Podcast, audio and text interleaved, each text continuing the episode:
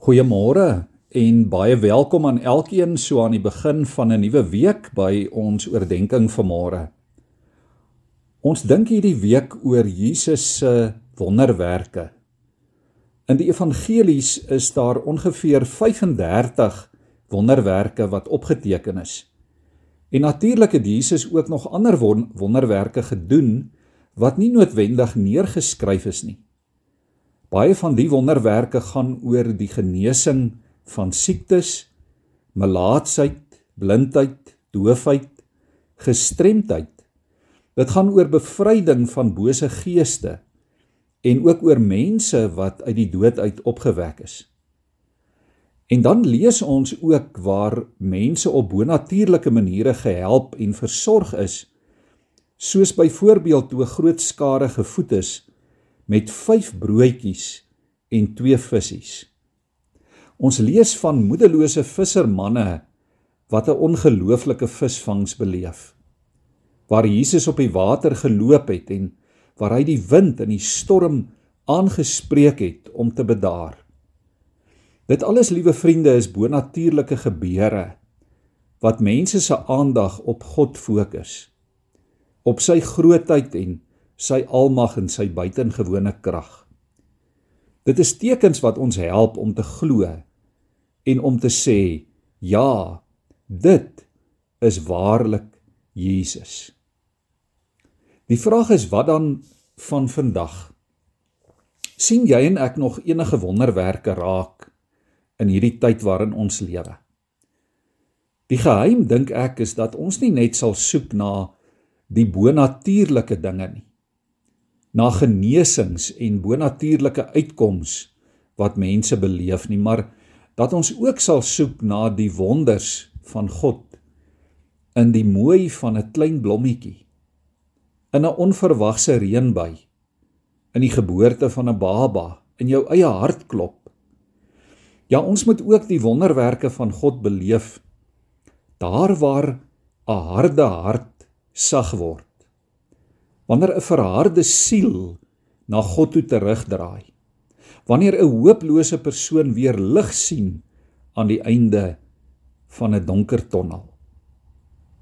As 'n mens deur die wonderwerke lees wat Jesus gedoen het, dan sien jy dat Jesus teen natuurwette en teen fisiese beperkings en mediese feite selfs optree.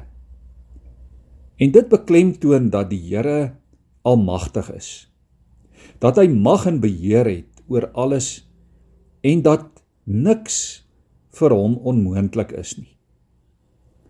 Daar in Markus 10 vers 27 lees ons: Jesus het reguit na hulle gekyk en vir hulle gesê: Vir mense is dit onmoontlik, maar nie vir God nie, want vir God is alles moontlik.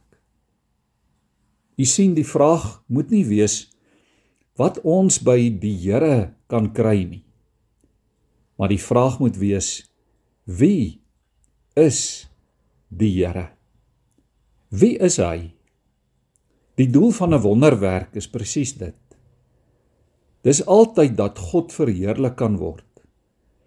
Dat sy naam geëer kan word 'n buitengewone gebeurtenis moet moet ons altyd met ontzag en blydskap en dankbaarheid vervul teenoor hom wat wonderwerke doen.